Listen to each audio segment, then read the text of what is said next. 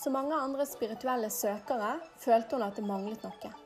Hun passet ikke inn blant de andre på hennes alder, og dette uttrykte seg med en rebelsk attitude i ungdomsårene. Men da hun møtte det som senere skulle bli mannen hennes, skjedde det noe. For et halvt års tid siden solgte de alt de hadde, sa opp jobb og leilighet, tok med seg sønnen på seks år og levde som nomader på Bali. Dette er noe av det vi skal få høre mer om i denne episoden av Salt Yogini. Lotte Amland, velkommen i studio. Tusen takk. Veldig hyggelig å få være her. Du er jo min første gjest. Ja, Og, um, spennende.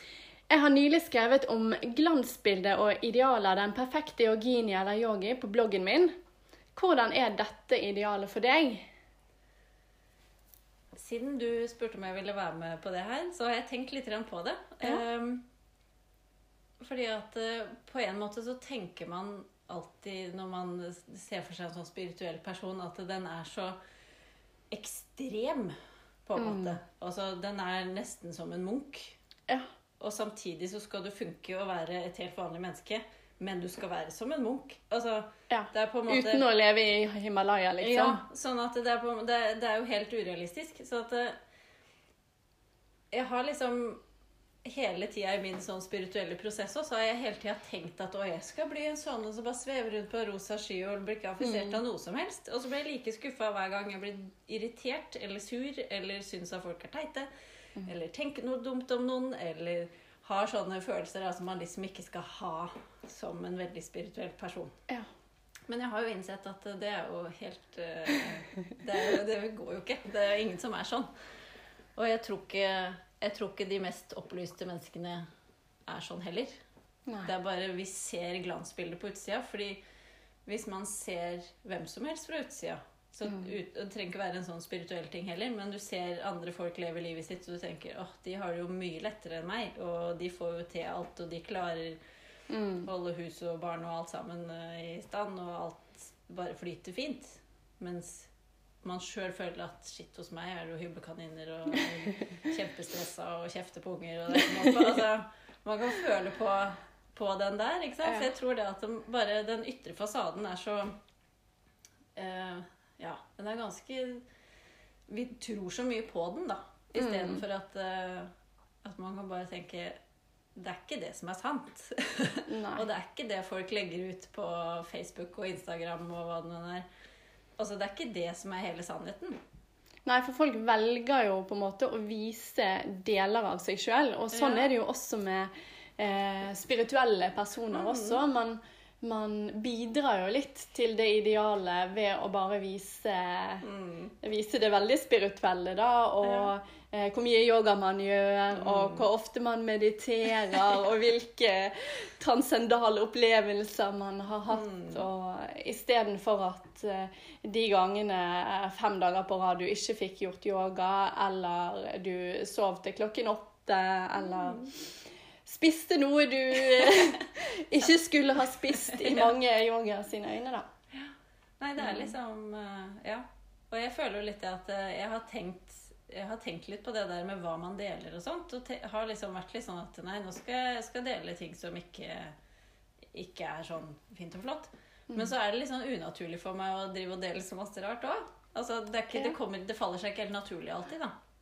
Så derfor så er jeg jo ikke så veldig god på sånne sosiale medier og sånn. Men jeg, egentlig så er jeg litt der at jeg skulle ønske at jeg bare gønna skikkelig på sosiale medier. Og bare viste sannheten, liksom. Ja. At, uh, altså, jeg kan sitte og gjøre yoga på morgenen og være trøtt og sliten, og har da sønnen min på seks år som sitter og tegner og spør om ting. Mens jeg liksom Nå skal jo liksom jeg ha fred og ro, da! Nå skal liksom jeg få fred og ro i sinnet mitt her. Nå kan ikke du spørre. Det er jo liksom, det er jo det man bør dele. Det er ikke de der, Jeg sitter der som en sånn engel og bare svever rundt, og det er ingen som forstyrrer meg. Og det er Nei, nei, nei. ikke irritert i det hele tatt. Og det er, altså, det er jo Ja. Og klatrestativ når man står i en eller annen yogaposisjon. Ja. Det er liksom Det er jo det som er sannheten. Sannheten er jo ikke at man Mm. sitter der og alltid er eh, fullstendig opplyst. Ja. Men så føler jeg at det, det som har forandra seg i det siste, da, jeg, når jeg begynte å skjønne at det, Det er ikke om å gjøre å være den perfekte yogien som ingen er. Mm. Så har jeg jo skjønt det at jeg skal på en måte Man skal bare finne sin egen um, Det er liksom en sånn veldig personlig ting, da. Man skal finne sin egen greie og sin egen måte å gjøre det på. Og at man må finne den roen til å bare ja, men 'Jeg gjør det på denne måten, og det er greit'. Ja. Fordi at eh, verden trenger ikke masse sånn perfekte folk som gjør masse som noen andre har sagt at det er sånn det skal være. For hvem er det som veit det, da? Nei, og hva er perfekt? Ja, og det er liksom For meg så er det bra hvis jeg får gjort yoga på morgenen. Før jeg spiser frokost og fortsetter med dagen. Så er det liksom Det er en fin start. Det betyr ikke at dagen blir så innmari bra nødvendigvis. For det kan godt det går skikkelig skeis rett etterpå. Men det, men det er liksom en god start for meg. For noen andre er det kanskje å løpe seg en tur. Eller bare ja, sitte på trappa med en kopp kaffe. Altså, det er samme hva det er. Ja. Poenget er jo bare at du må lytte innover og bare være tro mot deg sjøl. Ikke Ja. prøve å være noe annet. For det er jo der problemet blir. Det er jo ikke hva man gjør. ja. Det blir sånne idio nei, idoler som man skal leve Mhm. opp til, da. Men um, Nei, og bare det der, uansett hva det er Jeg husker eh, yogalæreren vår, Anandrash eh, mm. sa en gang at eh, for noen er det å ta seg en røyk om morgenen, og så mm. får de kontakt med seg sjøl. Mm. Eh, så, så det er ikke det at du må gjøre to og en halv time sadhana fra fire om morgenen, og du skal ha liksom yoga, meditasjon og gjerne litt mantra. Mm. Og lese japji. Og lese japji. Japji er fin, altså. Det er Ja. ikke det, men uh, Men at man skal klare å gjøre det hver dag, er på en måte Ja. I mitt liv funker ikke det. da må man til Himalaya. Ja, Da kan Ja. du ikke ha familie, og da kan du ikke ha noe annet heller. Og jeg, ikke, jeg klarer ikke å stå opp tidlig. jeg. Nei, Altså, sant? selv om jeg Selv om jeg skal ha noe gøy, så syns jeg det er vanskelig å stå opp tidlig. Det er liksom sånn, altså Jeg syns det er veldig deilig å bare ligge i senga. Ja. Så i dag skulle jeg stå opp litt tidlig, da, for jeg tenkte at eh, nå skulle jeg kanskje rakke litt yoga før jeg kjørte. Eh, For jeg måtte kjøre i halvannen time ca. Litt over det. Så tenkte jeg jeg rekker jo, rekker jo det hvis jeg står opp litt tidlig. Satt på vekkerklokka, skrudd den av igjen. Drømte at jeg måtte ringe deg og si at 'sorry, jeg forsov meg i går', jeg. Så jeg kom ikke. og så våkna jeg da klokka halv åtte. Ja. Bare Jeg får vel stå opp, da. og da var det bare å få stått opp og stelt med og spist litt, og så var det å kjøre. Og det var liksom Men istedenfor da å tenke at eh, nå har jeg feila, og nå er jeg ikke god nok, og nå er ikke jeg Ja. en, nå er ikke jeg en yogi liksom, sånn som jeg skal liksom være, Ja. så heller bare godta det, da. Altså, jeg hadde det fint, jeg. Jeg sov godt. Ja. Kosa meg. Nico hadde kommet inn og lå der. Det var så koselig at det Og liksom bare la det være, det, da. Ja. Og så fikk jeg jo spist frokost med han, det ble ikke noe stress og det. Hmm. tenker liksom Må ikke sette lista så høyt. Da Nei. vil man jo bare feile. Og sånn som du som liker å sove. Det er jo mange som liker det. Og hvis vi liksom skal stå opp og gjøre ting vi har sagt oss sjøl at vi må, og så liker vi det ikke, da får vi jo ikke et liv som vi liker Nei. heller. Nei, og så tenker jeg Da må man finne sin egen måte å gjøre det på. Da. For noen så kanskje det er bedre å gjøre yoga på kvelden. Det får ikke jeg til, for da, da er jeg sliten etter dagen. Og da har jeg lyst til å sette meg ned og slappe av. Da skal jeg ikke gjøre noe. Da vil jeg enten gå og legge meg eller slappe av. Ja. Eh, Så det har jeg liksom ikke klart. Da må jeg i så fall gå på et kurs. Det syns jeg er kjempeålreit på Mm. kvelden. Å gå et annet sted og være med på noen andre sin time. Ja. Det er kjempebra. Men uh, det å skulle klare det hjemme sjøl, det er ikke så lett. Nei. Men for meg å gjøre det på morgenen Men det må ikke være sånn at jeg må stå opp veldig tidlig. Ja. Da har jeg heller sånn før når jeg gikk på jobb og sånt, så sto jeg opp litt tidligere for å rekke det. Men da gjorde jeg bare ikke så mye. Ja, At det holder å gjøre yoga i en halvtimes tid. Ja. Altså med avspenning og meditasjon, så en halvtime. 40 minutter. Mm. 20 minutter noen ganger. Ja, eller bare et par eh, solhilsener bare for å få knekt opp ryggen og Ja, for det er jo så deilig når man først bare har gjort det. Og det er liksom Ja. Jeg merker jo at det gjør en ordentlig forskjell Ja. å ha gjort det. Men det må ikke være en sånn der du må, ellers er du ikke god nok. Og derfor Nei. er det litt sånn der Man snakker om at skal gjøre 40 dagers kri, og 40 dagers Mm. meditasjoner og sånt. Jeg har gjort noen av de. Men noen ganger så blir det litt sånn krampaktig. Ja. At, og når jeg gjør det, for det er liksom så bra. og Jeg kan ikke være kundalini-yogalærer uten å drive og gjøre sånn 40 dagers innimellom. Men jeg må ikke det. For noen ganger så passer det ikke. Noen ganger så er vi på hyttetur med familien, noen ganger er vi et eller annet annet sted, noen ganger skjer det noe annet. Mm. Og da kan man ikke Da vil jeg heller være til stede med det jeg gjør, og så får det være greit. Mm. Og som eh, kundalini-yogalærer, jeg har jo følt på det mye at i perioder der jeg har gjort veldig lite yoga, så eh, har jeg følt at jeg ikke lever opp til det kundalini-yogalærer eh, eh, på en måte ryktet, da. Mm. Og eh, jeg tror det er mye lurere at som yogalærer å formidle at det ikke alltid er perfekt, og at Nei, nå har ikke jeg gjort 40 dagers eh, kriger på lenge fordi at eh, det passet ikke, eller jeg Ja. Mm. I dag ble det ikke en meditasjon engang. Altså at man kan være menneskelig, da, Mm. og vise det til de man skal undervise. Jeg tror det er mer spiselig for andre òg. Mm. Altså hvis du skal tenke at å, jeg, skal jeg begynne på den kundalini-yoga-utdannelsen og så, Nei, men det er jo litt Jeg har ikke tid til å drive og gjøre yoga hver dag. Jeg har ikke tid til Jeg kan jo ikke få gjort det. Altså At man tenker at det skal være så mye, da. Mm. Og så er det Hvis man heller formidler at det er helt greit. Du må ikke. Nei. Det er ingen som kommer og sier at å nei, nå, du, nå kan ikke du det du har lært, fordi du ikke gjør det. Nei, det er jo Det er den liksom- indre kritikeren som sier det. Det er ingen andre. Det er ingen andre som kommer og sier at du er ikke noe bra. Men det er liksom der man går rundt og straffer seg sjøl for noe som ikke Det gjør jo ikke noe. Det er bare livet. Altså, Ja. Vi lever jo. Er ikke det nok, da? Ja. Det er liksom, poenget er jo bare å leve, og så ha det best mulig Ja. med det vi har. Og så lærer man seg noen verktøy. Noen ganger passer det å ta det i bruk, andre ganger så trenger man det ikke. Mm. På Bali gjorde jeg nesten ikke yoga i det hele tatt. Nei, sant? Jeg trengte det ikke. Nei. Det var, det var veldig unaturlig for meg å skulle gjøre ting. Ja. Det var en liten periode hvor vi bodde på et sted hvor vi var liksom i ti dager i strekk, hvor vi hadde litt større plass. Der gjorde jeg litt yoga. Ja. Men det var litt sånn Det var der, og så dro vi videre. Og da var det sånn Nei, men jeg Når jeg står opp om morgenen, så er vi klart å gå ut. Da skal vi på stranda, da skal vi bade, vi skal snorkle, vi skal liksom Da skal vi oppleve Så noe. deilig. Og det er jo på en måte jeg tenker, Da er man jo i ett med seg sjøl, og man er i naturen. Det er jo mye bedre Mm. det enn at eh, de andre skulle sitte der og vente på meg. da Fordi nei, nå skal mamma gjøre yoga først. Den har jeg sagt noen ganger. ja, men det er jo én ting når man er hjemme, på en måte. Ja. I det daglige så gjør jeg jo det. Nei, vi skal ikke spise frokost ennå, for jeg skal gjøre yoga først. Ja. Vi spiser frokost etter yoga. Ja. Det er liksom en greie. Men der så er det sånn, du reiser jo halve jorda rundt. Skal jeg jeg har ikke reist dit for å sitte på en yogamatte, liksom. Nei. Hadde ikke med meg yogamatte heller. Nei, så deilig. Det for stor plass. Har du noen spirituelle krav du setter til deg sjøl? Ja, jeg har jo det. Ja. Det er jo Altså, jeg tenker at ehm, Jeg prøver jo å skrelle de mer og mer av, da. Men, Mm. det, og det er, også, det er jo et krav, da. Så skrell av krava.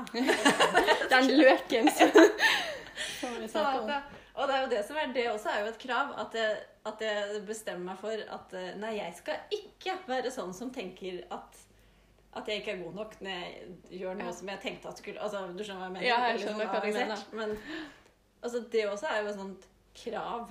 Ja, at ja. Jeg skal være såpass perfekt at det skal ikke gjøre meg noe når jeg feiler. Så der kommer jo hele greiene bare backfires. Ja, ja, ja. Det liksom. er egoet som tar bakveien. Ja, bare, nei, nå var du god. Nei, nå var du. Så det er jo alltid det. er jo alltid det. Og så er det den derre ja, Få gjort yoga på morgenen. Den er liksom, den er der. Mm. Men den er ikke Jeg har klart å liksom bare, Det er ikke så farlig. Ja. Det, det går greit. Um, og så er det mer sånne Hvordan du skal tenke om andre, og hvordan du skal um, Hvordan skal uh, se en situasjon, da. Mm. At uh, Ja. At jeg ikke skal bli så irritert, f.eks. Mm. Mannen min kan irritere meg veldig. Ja. Og det er liksom ikke greit.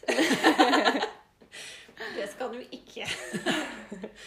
sånn at, eh, og det å liksom gå rundt og surmule er liksom en greie. Altså, Mm. Jeg kan bli sånn sur, og så går jeg rundt og bare er sur. Ja. Og så irriterer det meg, for jeg burde jo ikke være sur. For det er jo ikke noe, det er jo ikke noe yogisk i det hele tatt å gå rundt og være sur. Nei, det skal ikke være. Og liksom, hvis jeg er sliten og trøtt, så burde jeg jo egentlig da bare ha, ha klart å bare Ja, men da er jeg litt sliten i dag, men jeg kan være glad for det. Ja. Og det, altså, jeg klarer ikke det. Jeg blir sur igjen når jeg er trøtt. Det er liksom sånn er det bare. Ja. Men, eh, men jeg har jo de der eh, At jeg skal gå rundt og se på ting som er fælt og kjipt, og at folk oppfører seg teit og ikke blir liksom affisert av det. Mm. Det er jo en sånn ting som jeg har for meg at det skal jeg klare. Ja. Men jeg gjør jo ikke det. Det er jo man, altså, det er ganske inngro, denne dømmegreia. ja. At man er dømmer andre. Når man ser at Å, nei, du gjør sånn. Det er jo ikke Mm. Det ville ikke jeg ha gjort. ikke sant? Men det er jo Det er jo en menneskelig ting. Vi er jo mennesker. Ja. Det er eh, Jeg tror alle har en form for dømming, både overfor andre og seg sjøl. Mm. Ja, det tror jeg òg. Men, men det som jeg har merket etter hvert som jeg har klart å gi litt slipp For jeg hadde ekstreme krav eh, og var veldig ofte skuffet og sur på meg sjøl. Men, men det som jeg merker nå, at når jeg tenker nedsettende, og når jeg dømmer og eh, på en måte gjør ting mot andre og meg sjøl som eh, jeg vet i samvittigheten min ikke er greit, så etter jeg har gjort det, så går jeg mer og mer i meg sjøl og prøver å finne roten til hvorfor jeg har behov for å dømme den personen. da. Så det har i hvert fall hjulpet meg eh, mye. Men det har tatt meg lang tid å komme dit. Mm. Jeg også har litt eh, Etter mye jobbing kommet mer til at eh, at når når jeg tar meg sjøl i det, så istedenfor å dømme meg sjøl for at jeg tenkte en tanke eller følte noe eller et, ja, en eller annen sånn ting som jeg liksom ikke skulle gjort, da. Mm. Så istedenfor å dømme det, så klarer jeg å se at Å, nå gjorde jeg det igjen. Det kan jeg jo prøve å la være å gjøre neste gang. Altså, At jeg mer bare observerer det og så tenker ja, ja, det går fint. Men Og mer som du sier, hvorfor? Altså, Ja. hva var det? Altså nei, men det var kanskje fordi nå var jeg litt sliten og trøtt. Nå, Mm. ja. Og at kanskje noen ganger, hvis man dømmer andre, så er det jo faktisk mer at du ser hva du ikke vil ha. Ja. Og det er greit å si nei. Ja. Altså, du, du opplever kontraster i verden, og grunnen til at det er kontraster, er jo for at du skal vite Altså, For at noe skal være bra, så må noe være dårlig. Ja. Og da må du nesten vite hva du ikke vil ha, for at du skal vite hva du vil ha. Mm. Og da må du nesten møte ting som du dømmer og syns at 'dette var noe dritt'. Ja. Sånn skal jeg ikke ha det. Mm. Det ville ikke jeg ha gjort. Altså, Da veit du jo hva du ikke ville gjort. Mm. Sånn at da kan du gjøre det motsatte. Men veldig ofte så blir man jo «Nei, det ville ikke jeg gjort, og så bare sitter man fast i det der negative. Men istedenfor ok, men da veit jo jeg at dette vil ikke jeg ha. Og så snu seg rundt og vite hva, altså, hva det motsatte er, da. ja. Samtidig som man på en måte OK, men du er sånn, og det er helt greit, men at vi er forskjellige.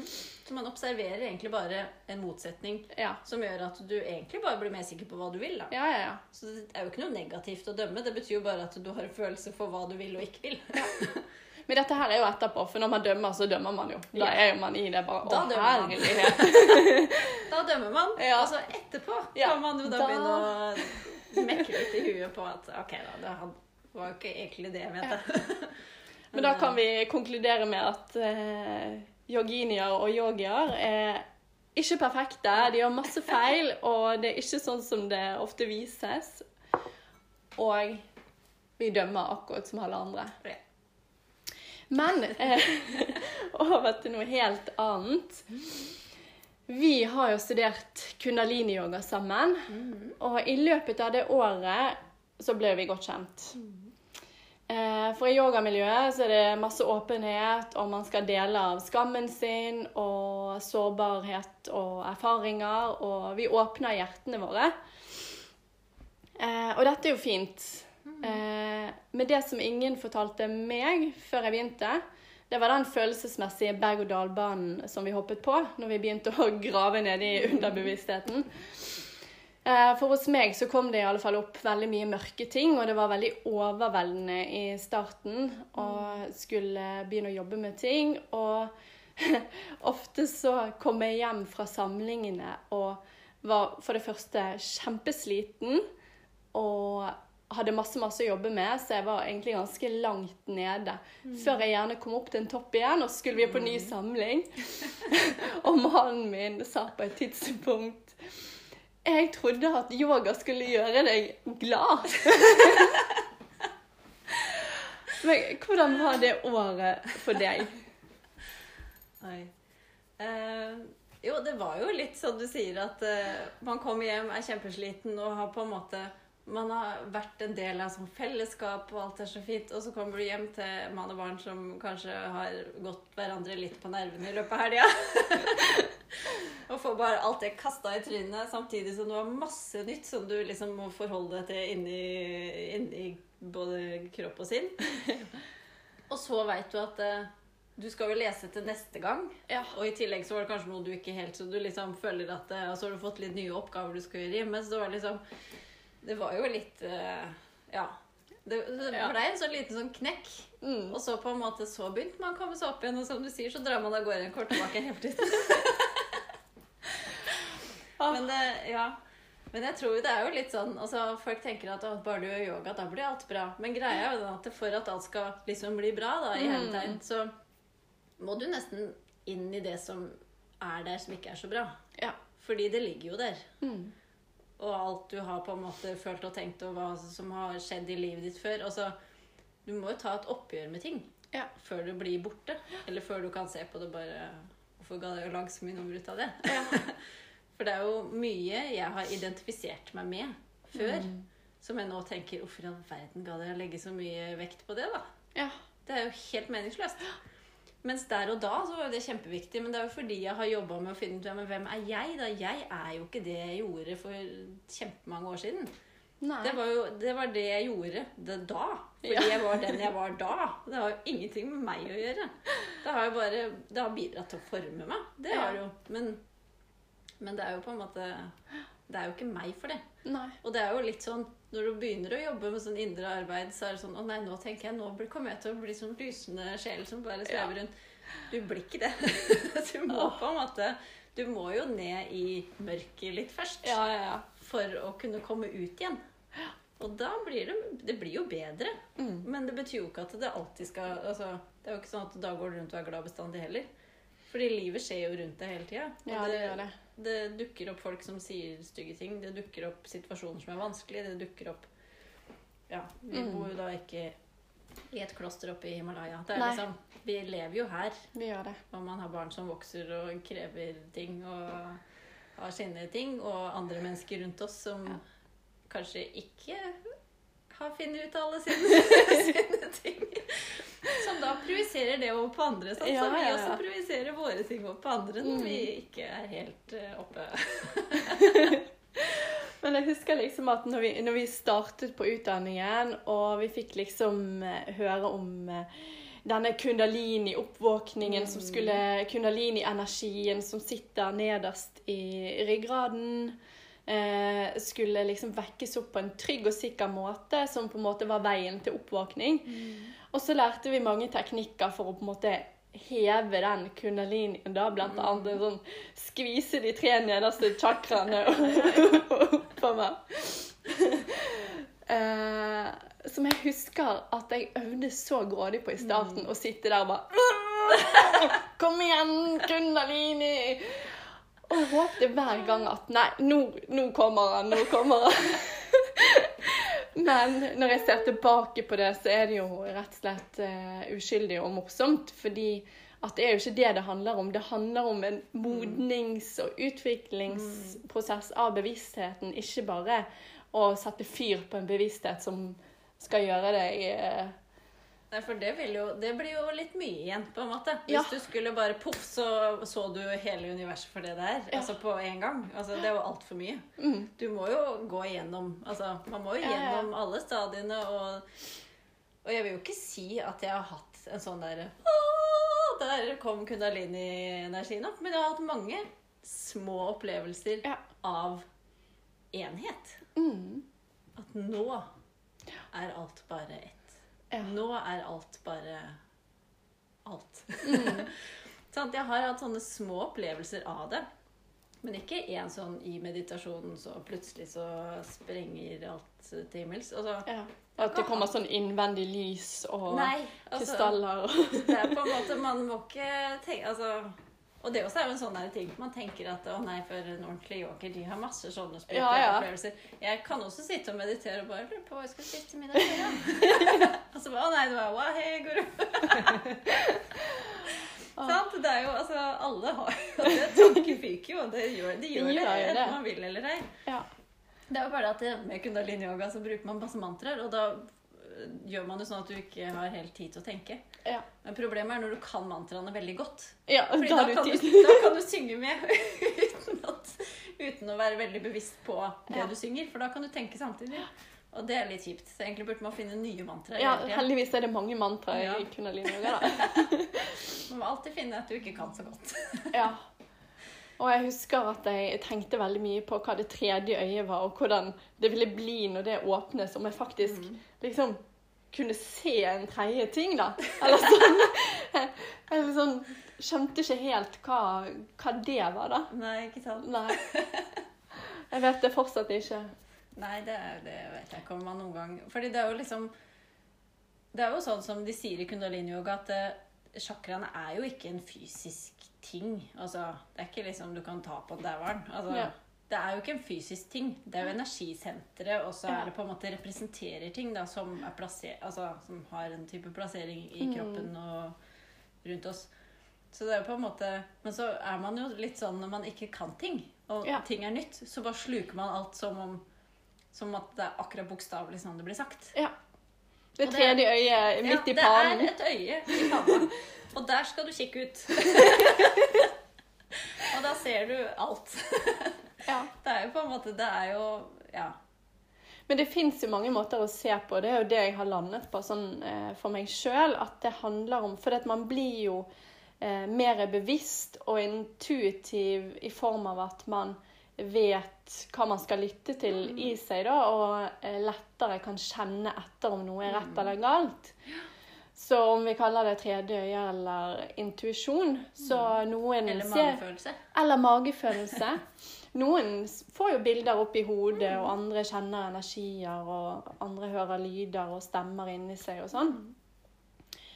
Sikkert mange spirituelle som hadde fått en eller annen eh, diagnose hvis de hadde Ja, Hvis de hadde sagt det høyt for eh, litt lenger siden, Ja. så hadde de vært lagt inn alle sammen. For det. Men er det kommer en sånn mann her som sier at Ja. altså, Så det er to stykker som følger etter meg overalt. Ja, det er guidene dine. Ja, men det er jo altså det, det er en fin linje mellom spirituell eh, våkenhet Og og, psykisk Ja. veldig skada, holdt jeg på å si. Ja. Det, ja, og jeg tror nok det er mange som er eh, Det er nok folk som er plassert feil. ja, det tror jeg òg. Det tror jeg nok. At man bare ikke vet det sjøl. Men nå eh, er jeg veldig spent. Vi har jo eh, snakket så vidt om denne reisen din, men eh, jeg har bevisst ikke spurt deg så mye om det, fordi at jeg vil ikke være forutinntatt med hva jeg skulle snakke med deg om. Um, men jeg husker godt en fredag. Vi satt på toget innover til Oslo for en av eh, samlingene på yogaskolen. Hele JAP, vårt misforståtte gruppenavn, var samlet. Og skravlingen gikk jo alltid i ett, og folk må jo ha syntes vi var helt ko-ko. Eh, for vi snakket jo om alt mellom himmel og jord og forbi. Men denne fredagen så fortalte du at eh, dere skulle dra til Bali på ubestemt tid. Når dere bare hadde penger nok. Og jeg er jo også en som har ganske mye svevende fantasier og drømmer og visjoner. Men de eh, forsvinner ofte like fort som de kommer. Eh, så jeg tenkte nok det om det du sa også. at Ja da, hun skal til Bali. Men akkurat her så må jeg innrømme at jeg tok feil. For dere begynte jo å spare. Ja. Og eh, når det nærmet seg, så sa du opp jobben. Og du ordnet med eh, hjemmeskole eh, for Nico, som egentlig skulle starte på skolen. Og så bare dro dere. Mm. Ja. Fortell. Ja. Nei, det var jo eh, Altså, egentlig så Jeg har funnet noen sånne gamle dagboknotater fra mange år tilbake. Hvor jeg har skrevet Det var på noen løse ark jeg bare har funnet når jeg har rota gjennom ting. Så sto det bare 'Jeg vil dra til Bali'. Bali må vi jo dra til. For det sto et annet sted. Altså, det er liksom flere sånne steder hvor det bare dukker opp sånn Skulle ikke dra til Bali, da? og, så, og så var det bare Ja. Så var det egentlig bare en sånn Kunne ha gjort det en eller annen gang. Og Ja. sånn for ordens skyld, altså var jo Dro jo jeg og mannen min Vi dro til Australia i 2012. Mm. Eh, Da solgte vi absolutt alt. Da hadde vi ingenting igjen. Ja. Det var én liten kasse med noen bilder tror jeg, som lå hjemme hos mamma di. på loftet. Det var det, Ellers hadde vi hver vår sekk. Og da dro vi til Australia og skulle aldri komme tilbake. Vi skulle bare bo i en bil og loffe rundt, jobbe når vi trengte det. Og når vi ikke hadde visum lenger, dro vi et annet sted og skulle bare holde på sånn. Så ble jeg gravid, altså. Det, det varte i sånn seks-syv måneder. Og så dro vi tilbake til Norge, for det var veldig dyrt å være gravid i Australia. Ja. Det, bare for å finne ut at jeg var gravid, var jo nesten 1000 kroner. Nei. Så da Ja. Som egentlig bare var å tisse i en kopp. Sånn at det var måte det var litt kjedelig. Så derfor så dro vi jo tilbake da til Norge og hadde jo egentlig tenkt at nei, vi bare får denne ungen, og så reiser vi hjem. Mm. Tok seks år. ja. Men dere gjorde det, da? Vi gjorde det. Ja. Men det var jo veldig mange år hvor det på en måte Hvor vi hadde egentlig lyst til noe mer, men så var hverdagen tok oss litt, og så var det egentlig litt sånn kaos i hele tilværelsen. Og med da en unge du ikke veit helt hva du skal gjøre med nødvendigvis, fordi man har ikke hatt barn mer. og da, ja Så blei det jo til at plutselig så hadde jo gått flere år, og så var jeg hjemme to, de første to og et halvt år mens mannen min var på jobb, og da fikk jo vi aldri egentlig tid til å drømme videre, da. Mm. Så liksom drømmen bare slutta, ja. og så skjedde det ikke noe. Men hva som gjorde at du plutselig bestemte deg? For at, eh, vi hadde jo ikke hørt om dette. Vi hadde jo ganske mye kontakt, og plutselig så satt vi på toget der og Nei, Det var vel, altså Jeg var bare møkka lei av hele greiene. Fordi at vi hadde ikke tenkt å ha noe sånn A4-liv. Vi skulle ikke ha noe hus og bil og gudene veit hva. Så var ikke, vi skulle ikke det. Nei. Og så gjorde vi jo det. Og det var litt irriterende. Og Ja. det. Det var ikke det jeg skulle. Det var ikke det som var meninga. Vi skulle være sånne åndelige folk som farta rundt. Men så, eh, så var det vel egentlig eh, det at jeg var så lei av jobb. Altså Jeg var så lei av jobben min. For jeg syntes det var så sinnssykt kjedelig. Og jeg skjønte ikke hvorfor i all verden jeg skulle være der og bruke all energien min på jobb, for så å komme hjem og være for trøtt til å være sammen med familien min. ja. Så tenkte jeg at dette her er ikke Er dette livet, liksom? Er det sånn det skal være? Da kan jeg jo like gjerne bare drite i det, for dette her var ikke noe gøy. Altså, Det tror jeg det er mange som kan relatere seg til. det er jo på en måte Skal det være sånn, så jeg har ikke, Dette er ikke det jeg hadde lyst til, liksom, når jeg kom hit. Men så var det en dag på kontoret hvor jeg bare spurte Hun jeg delte kontor med, hadde vært på Bali og studert. Og så sa jeg bare Du, eh, du har vært på Bali. Åssen var det egentlig? Og så sa hun å nei, det var kjempefint, og det paradiset sånn. Og så sendte jeg bare melding til Jan Tore og spurte mannen min, altså. Og spurte vil du være med til Bali. Og spurte han når da? Og skrev jeg nå. ok. Det tok jo halvannet år da etter at jeg skrev den meldinga, før vi faktisk dro. Men, Ja. eh, men det var liksom starten bare Nei, skal vi bare Skal vi dra til Bali, da? eller? så vi må vi bare velge et eller annet sted. Og så er det Ja. Så blei det noe Bali, da. Ja. Hvordan var det der, da? Det er ikke sånn som dere spiser elsk lev, hvis noen lurer på det. Nei, okay. ok. Det er det absolutt ikke. Nei, det Det, det, skjedde for lenge siden, eh, den boka der. Um, Og det er ikke sånn det er lenger. Det er ja. veldig turistifisert og kjasete og masete enkelte plasser. Ubud som skal være en sånn åndelig mekka. Ja. med turistjag. Ja. Så det er på en måte det er, ikke, det er ikke alt det man tror man drar til når man drar dit, men det spørs litt hva man drar dit for. ja. Vi ville jo ha litt sånn ekte Bali. Vi ville ha de lokale. Vi ville Mm. på en måte få litt sånn kulturen dems, da. Ja. Men kulturen dems har jo blitt turisme. Så den, eh, den er litt ødelagt av oss, eh, Mm. egentlig. Fordi det var, er veldig mye sånn masing på uh, taxi. Så det er sånn du kommer til et sted, og så står du der med sekken på ryggen, og så begynner du å mase om taxi. Så bare, jeg har akkurat kommet hit! jeg har ikke tenkt å dra. Jeg har tenkt å være her et par dager. Så jeg har liksom ikke tenkt å stikke av med en gang. Altså, det var veldig mye sånn masing, og så er det jo folk på strender som går rundt og prøver å få deg til å synes synd på dem fordi at de skal jo selge et eller annet. Mm. Øh, Det brant meg på det en gang, da. Hvor det var ei dame som skulle selge meg noen sånne smykkegreier. Og så var jeg veldig varm og skulle jeg egentlig gå og bade, men hun stoppet meg. Nei, nei, men bare se her. Se her først. Se her først. Mm. Og det sto midt i solsteika og liksom bare Ja da, de var veldig fine. Og så bare Å nei, det var så vanskelig for å lage det sjøl. Liksom lagde veldig mye nummer ut av hvor stakkars meg, jeg har laga dette sjøl. Det er veldig Ja. få turister her. jeg, trenger, jeg trenger penger. Og jeg sto der og var dritvarm. Til slutt så kjøpte jo jeg ting av hun. Og det var jo greit nok. Men jeg kjøpte det jo for sinnssykt mye mer enn jeg hadde trengt. Ja. For den prisen, altså den prisen som noen andre solgte akkurat samme greiene for, fant vi ut av dagen etterpå eller senere på kvelden, det var liksom du kunne fjerne null, da. Ja. Ja. Og det var litt irriterende. Ja. Så det var, liksom, det var noen sånne ting som Ja. på en måte Det er jo turistskapt. Det er jo fordi at vi er der, at det blir sånn. Og jeg skjønner at de er desperate og alt det der, der men eh, det var liksom en del sånne ting da, som ikke var helt det vi hadde tenkt. Men så er det òg kjempemange fine ting. Og det er jo masse ja, fine strender og Vi møtte jo mange folk som var ekte, da. Og Mm. ærlig. Og den ene plassen som vi var en gang i måneden Vi måtte forlenge visumet, og da måtte vi være et sted for å dra på et kontor. Ja. da. Så vi måtte gå innom der tre ganger i løpet av en uke eller noe sånt for å få det til. Oi. Det var litt styr, men eh, når du har gjort det noen ganger, så blir du vant til det. Mm. Eh, Så der var vi jo da en gang i måneden, og han som eide den, eh, det homestayet vi bodde på, han var vår sponsor, da, for noen må liksom gå god for det. Ja. For at du skal få lov til å være der lenge.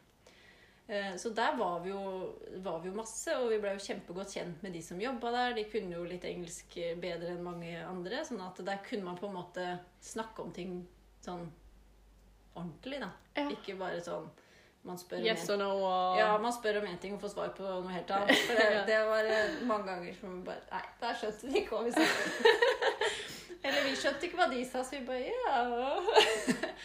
Men, så vi fikk jo veldig mange Fikk jo mange gode venner òg, Ja. som på en måte Ja, som vi har kontakt med nå etterpå også, som eh, Som, ja, som liksom viste oss hjemmet sitt. Vi ble tatt med i templer i en sånn seremoni. Det er jo seremoni på ball, eller seremoni hele tida. Så Ja. det er alltid folk eh, kledd i sånn Ja. Bare går i finklærne. klær, og de går med Mhm. alt mulig rart. Ja. Det er alltid seremoni et eller annet sted. Ja. Og så er det jo fra plass til plass har jo de sine egne greier. sånn at det er jo ja, Plutselig så kommer det sånn parade bortover på stranda med masse kledde, fint kledde folk med instrumenter og trommer og alt mulig rart. Så det jo alltid noe. Ja, ja. Men da var det en en um, seremoni som var litt spesiell, da. Som de sa at det burde du være med på. Ja. Da, bare, da kommer vi og henter deg på morgenen. Så ble vi henta på scooter. Altså vi satt liksom noen folk på en scooter. Trenger liksom- ikke å si hvor mange. og ble kjørt liksom til dette tempelet, og vi fikk være med han ene hjem. Og fikk liksom, De bøy jo på kaffe og te og, og litt sånn frukt og det de hadde. Og liksom og han som eide dette homestedet, han også tok oss med hjem og liksom fortalte sin historie. Hvordan han hadde kommet til, for han hadde et kjempefint, stort hus, men han hadde bygd det sjøl. Brukt syv år på å bygge det. Mm. Og liksom, dette var penger han hadde tjent opp fordi han hadde solgt noe land, og han jobba som taxisjåfør før. Altså, fikk liksom ordentlig kommet under, da. Mm. Og det, det er jo det vi kom dit for. Ja. Å oppleve noe ekte.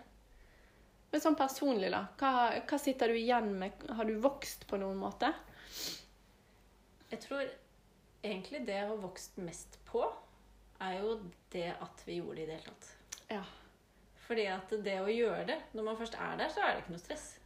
Altså, lever man, altså, med norske penger så kan du være der lenge for nesten ikke noe. Ja. Fordi at det, det koster ikke så veldig mye. Og sånn som vi er ikke Vi liker ikke så godt øhm, Eller vi liker ikke så godt. Vi er ikke sånn som absolutt må ha det så innmari fint. Nei.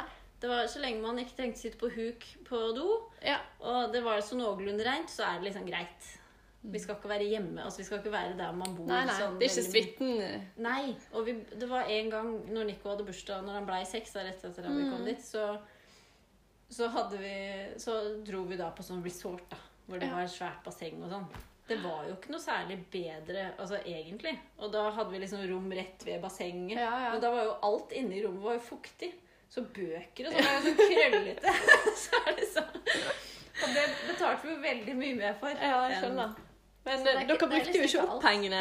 Nei, vi gjorde Nei. ikke det. Eh, For det første så klarte vi jo å spare mer enn vi egentlig hadde tenkt.